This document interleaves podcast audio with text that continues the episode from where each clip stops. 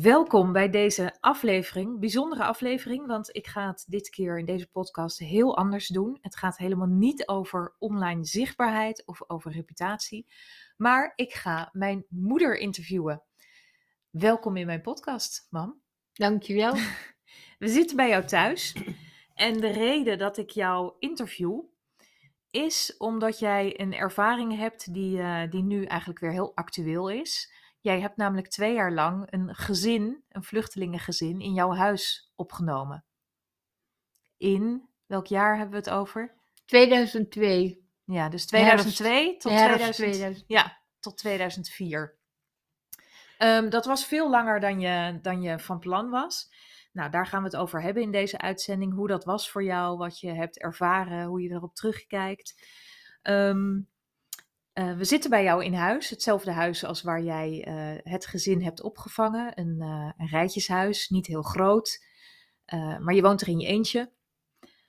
Ehm, laten we gewoon maar teruggaan naar het jaar 2002. Want hoe kwam jij met dat gezin in contact? Ik gaf Nederlandse les aan vluchtelingen in Egmond aan Zee. En daar woonden zij, ze hadden daar een appartement.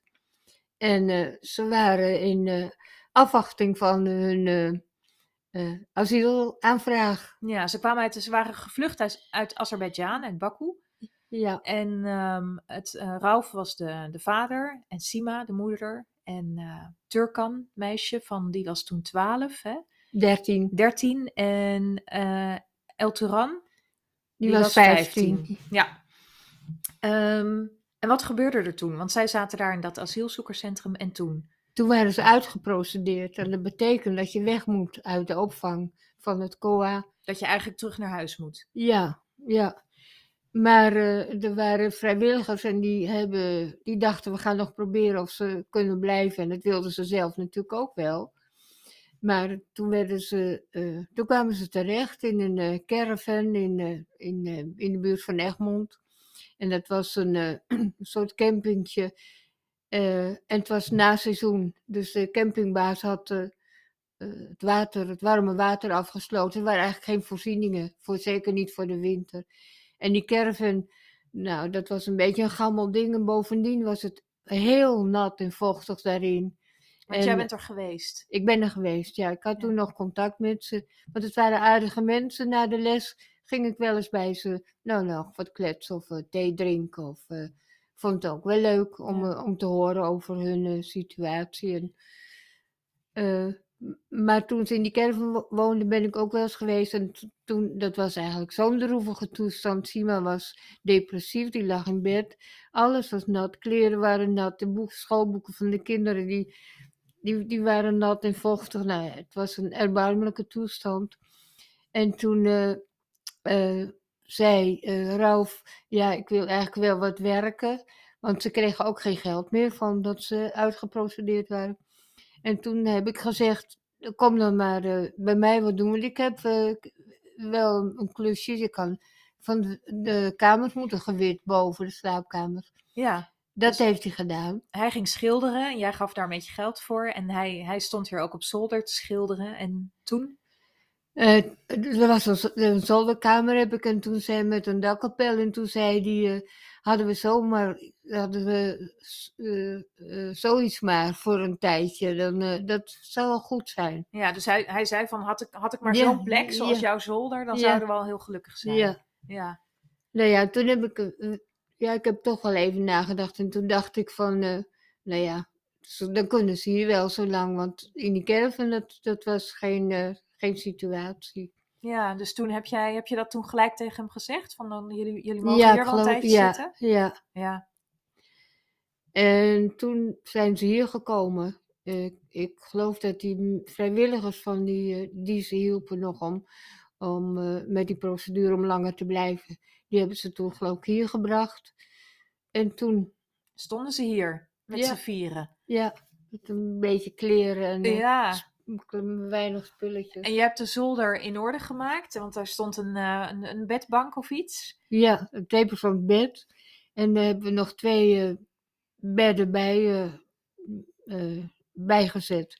Eén voor El Turan en een soort kampeerbedje voor, voor Turkan. En een gordijn ertussen gemaakt. Ja. Dat, dat, nou, dat die kinderen en die ouders wat van elkaar gescheiden waren. En jij dacht, nu zitten ze even een paar weekjes droog en, en warm. En kan Ja. je die eerste dag herinneren?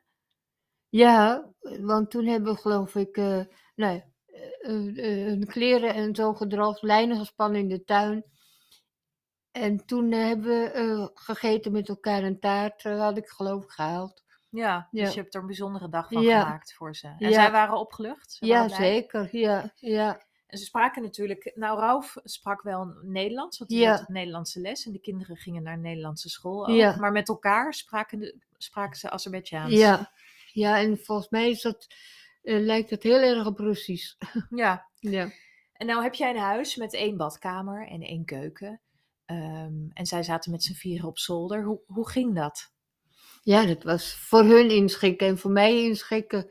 Een beetje afspraken maken van het gebruik van de badkamer en, en, en, en, en de keuken. Ja, die was eigenlijk min of meer voor hun, want ze kookte twee keer per dag eh, warm. Ja. En Ralf eh, kookte graag, dus om elf uur eh, rook het hier al naar ui. En jij dacht niet, eet maar gewoon een boterham met kaas tussen de middag. Nee, dat dacht ik niet. Nee, nee. Waarom niet?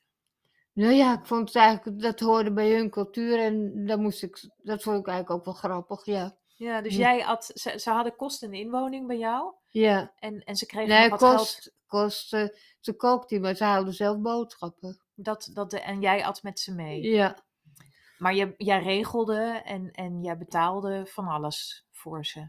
ja maar we kregen wel, eh, ze kregen een vergoeding van de, van de kerk. Iedere maand kwam er iemand van de kerk, van de protestantse kerk, die kwam hier geld eh, brengen voor ze. Ja, waar zij dan wat, wat ja, een beetje- eten en zo voor konden Ja, kopen. Ja. Ja. En de rest, dat, dat, eh, je vroeg geen huur of Nee, geen... eh, nee. nee, want dat hadden ze Dat natuurlijk ook hadden ze niet. Ja. Nee. En je regelde fietsen voor de kinderen. Ja, ja, voor, voor Sima en voor Turkan. Want Sima die ging, die, die hadden we ook wat werkhuizen voor geregeld. Waar ze wat huishoudelijke werk kon Ja, doen. Op termijn, hè? Want eerst, eerst dacht je van het is maar voor heel Ja. even. Maar toen, hoe ging dat? Toen werd het elke keer een stukje Ja, langer. iedere keer, eh, werd het, iedere keer was er weer een, eh, een, een negatief bericht. En eh, nou ja, die, die vrijwilligers die gingen dan weer proberen of er nog een, ja, of er toch niet een, een andere weg was dat ze, dat ze konden blijven. Of dat ze, maar eh, ja, er was iedere keer hoop. En, en iedere keer werd die hoop natuurlijk weer een beetje eh teniet gedaan. Mm. Dus Ja. je had, toen ze kwamen, hè, had je geen idee dat het twee jaar zou gaan duren. Nee, want het zou me Maar voor een pa- gaandeweg was dat, werd het elke keer, kwam er iets bij. En, en wa- was het dan, kon je dan het, het, hè, het geduld bewaren? Of, of dacht je, wanneer is dit nou een keer afgelopen? Hoe was dat voor jou? Ja, ja dat, dat was wel een beetje zo. eh, dat ik dacht van, nou ja, vooruit. En dan, dan, voor mij was er ook iedere keer hoop dat ik dacht van, dat ze weg zouden kunnen. En dat ze een, andere plek zouden krijgen en in Nederland zouden kunnen blijven. Ja. Want na hoeveel tijd was je eigenlijk weer toe aan jouw eigen huis? Aan, eh, Nou, ik denk na, na een jaar ongeveer wel. Ja, maar toen, ja, op, dus in dat tweede jaar hoopte jij echt telkens van, nou, Ja. nou moet het maar eens afgelopen zijn. Ja, maar we hebben ook nog geprobeerd eh, om ze, of ze zouden kunnen emigreren naar Canada. Maar dan moesten ze daar eh, een- opvang hebben, financiële steun ook, van iemand. En eh, bovendien was Ralf gehandicapt en dat, ze wilden alleen hele gezonde mensen hebben. Ja. Ja. Dus dat, dat, eh, dat mislukte ook. Ja, dus dat leek een plan, van dat leek een uitweg, Ja. dat mislukte. En uiteindelijk moesten ze terug, hè? Zijn ze teruggegaan naar Azerbeidzjan? Ja, Want eh, ze waren gewoon uitgeprocedeerd en Ja. dat was eigenlijk de enige, de enige manier nog. Wat zijn, en dat- dan was het, toen was het twee jaar later, toen was het oktober of november 2004. oktober 2004. Ja, kan je dat ook nog Of herinneren? november 2004 was het. Weet je die dag nog, dat ze weggingen? Jazeker, ja. Hoe was dat? Nou ja, ze, ze werden opgehaald door, door, ook door mensen van de kerk. En, eh, en eh, ik ging ook met een auto, op mijn autootje er naartoe. En eh, er was een soort vrachtwagentje, dat ze, waren spullen die ze hadden verzameld in die twee jaar. of, want ze waren hier eigenlijk al langer niet bij mij, maar in, In Nederland. ja. Eh, en, en dat ging allemaal eh, naar Schiphol Het ging allemaal mee. mee. Mm. Ja. En je Ja. hebt ze uitgezwaaid. ja, zeker. Ja. En, en je vertelde dat de buren hier, die hebben ze ook, eh, ja. nou niet op Schiphol, maar hier toen ze de straat uitreden, was er ook een soort uitzwaaikomité. Ja, ja. Want ze waren ook wel een beetje geïntegreerd hier in de buurt. en Nou, de- enigszins de buren wisten natuurlijk van. Ja, ja. Maar ze, ze zijn nooit uitgenodigd door de buren. Nee? Of om, nee. Niemand was nieuwsgierig naar wie die mensen nou waren. Nou, misschien wel nieuwsgierig, maar ja, Niet zo ver dat ze dachten, Nee. we nodigen ze uit. Ja. nee. Want wat voor reacties kreeg jij op deze, Van de buren weet ik het eigenlijk niet eens goed. maar van andere mensen? Ja, maar van, van mijn familie en van mensen, van, van vrienden, kennissen. Nou, die vonden het wel bijzonder, ja. ja. Ja. Weet je Ja. nog hoe, hoe wij dat vonden, mijn broer en ik, Chauko en ik? Nee, weet ik niet. Nee, ik zit ook te denken wat wij ervan vonden. Ik vond het wel stoer volgens mij, maar ik kan me niet helemaal meer precies herinneren. Ja, jullie waren ook niet zo complimenteus naar je moeder toe, af en toe. Sorry mam, ik ben heel trots dat je dit hebt gedaan. Ja, ik zat ook voor een groot deel, was ik, eh, in het begin was ik, woonde ik in Nederland, maar toen ben ik op wereldreis gegaan en naar Nieuw-Zeeland. Ehm, eh, dus ik heb het voor een deel, hè, ik heb ze wel leren kennen, ik heb ze Ja. ook gezien, maar ik heb niet alles meegemaakt. Eh, ik kan me wel herinneren dat we hier met z'n allen zaten aan tafel en dat zij hadden gekookt met heel veel bakjes en allemaal eh, nou, lekkers uit Azerbeidzjan. We hebben ook gevaren, want je had een bootje, dus je nam ze af en toe mee. Wat, wat, je hebt nog meer met ze gedaan, hè? Je nam ze mee. eh, wat waren echt de leuke momenten? Nou ja, die uitjes waren wel leuk, eh, grappig. Met dat varen met het bootje en dan naar het eilandje, naar het Alkmaardermeer. En dan gingen we daar eh, tennissen en barbecue hebben. Ook, ik had zo'n klein hebben we Ja. daar ook wel gedaan. En eh, ik weet nog dat we ook naar Volendam zijn geweest. En dat Sima toen zei, hier wonen allemaal intelligente mensen. Ja. En dat kwam omdat die er allemaal zo netjes uitzagen. Oh ja, grappig. Ja, ja. En naar, eh, naar de Amsterdijk. En nou ja, kennis laten maken met dingen hier in eh, Noord-Holland. Ja. Mhm. En ehm, jij regelde ook veel voor ze? Of niet? Of viel dat mee? Nee, ik regelde niet zoveel voor voor- ze. Nee, ze Nee? waren hier. En ehm, ja, ik, ik regelde dat, dat, dat, dat, dat ze hier konden zijn. En Ja. dat, dat, we, dat we leuke dingen deden. En verder eigenlijk niet. Nee, Nee. ik weet niet. Ik regelde. Ik heb wel eens eh, geprobeerd. eh, ik, om, om, om te kijken of ze naar eh, Canada zouden kunnen emigreren. Ja, dat zei je net. Ja, ja. Of dat, ja, dat heb je, ehm, dat vertelde je. Ja, Komt omdat we deze podcast al een keer hebben over, over gedaan. Dat je denkt, eh, wat heb ik Ja. nou wel of niet verteld? Ehm, had jij ook nog een beetje een eigen leven? Eh, ik deed wel. Mijn, eh, mijn clubjes, ik was op schilderles en zo. Dat, dat deed, ik ging ook met vakantie. Ja, en dan waren ze natuurlijk was wel fijn, want dan ze het hele huis. Ja. Ja. Ja. En wat, wat waren de lastige dingen? Wat, eh, wat vond Nou je ja, moeilijk? dat je je toch in, in moest schikken. Dat je, je gaf natuurlijk een stukje van je vrijheid op. Best wel een groot stuk, Ja, toch? ja. Maar ja, dat inschikken moest er zijn natuurlijk ook. Want je was nooit meer alleen thuis. Of wel? Waren er momenten dat je ook even alleen was? Nou, alleen als ze bijvoorbeeld, eh, ze gingen wel eens, dat is een paar keer gebeurd, dat ze bij mensen van, van, de, de, dat- van de kerk, eh, eh, Op visite gingen ja, of zo? ja even was weg. ik even alleen, ja. ja. Maar eigenlijk waren ze vrijwel altijd hier, ja, ze waren altijd Ja, hier. Maar ze zaten veel op zolder? Nou, niet eens zoveel hoor. Ja, maar ze zaten ook heel vaak beneden. Ja, ja. Mm. Maar ze hadden boven wel een televisie ook. Televisietje. Ja. En, eh, nou ja, ze hadden natuurlijk iets van privacy boven. Ja. Ze vertelde tegen mij, zeiden ze, over jou, van "Ja- jij bent onze engel. Ja, ze zagen jou toch wel als degene die hen eh, hier onder haar vleugels nam. Ehm, ben je er zelf ook trots op als je daarop terugkijkt?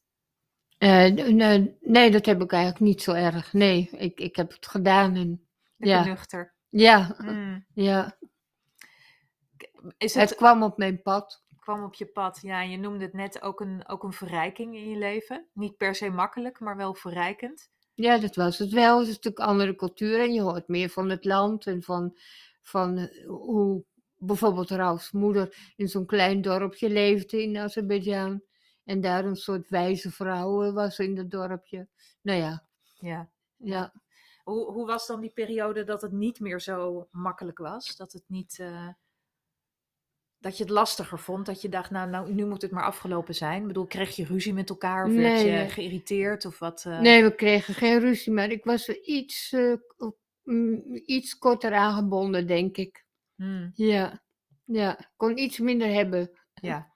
Ja, Heb je ze, na, toen ze weg waren, nou vlak nadat ze weg waren, ging jij naar Nieuw-Zeeland, kwam je Ja. ons opzoeken. En toen kwam je thuis, toen waren zij weg.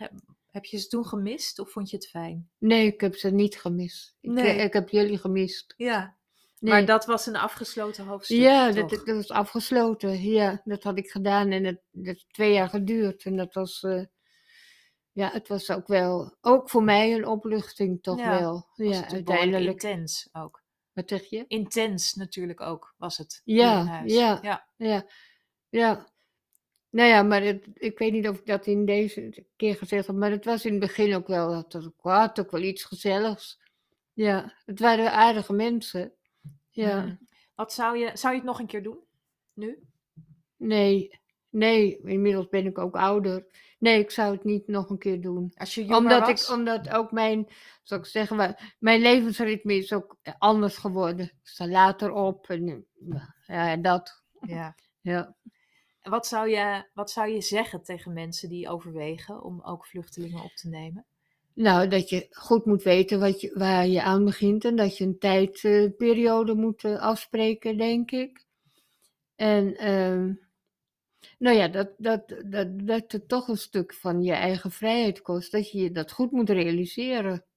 Ja, Ja, en dan is het belangrijkste misschien om, die, om zo'n afspraak te maken over hoe lang, hoe lang duurt deze periode. ja. Wat natuurlijk gelijk het lastigste is, want hè, je, je wil de mensen die het meest schrijnend, hè, die in de meest schrijnende situatie zitten, wil je helpen. En zodra mensen zijn opgenomen in een huis ergens, ja, dan zijn zij natuurlijk niet meer eh, het meest schrijnend. Dus dan zijn er weer andere mensen die harder hulp nodig hebben. En zo kan het misschien zomaar veel langer duren dan dat je denkt. ja dat zou kunnen, ja. Ja. ja.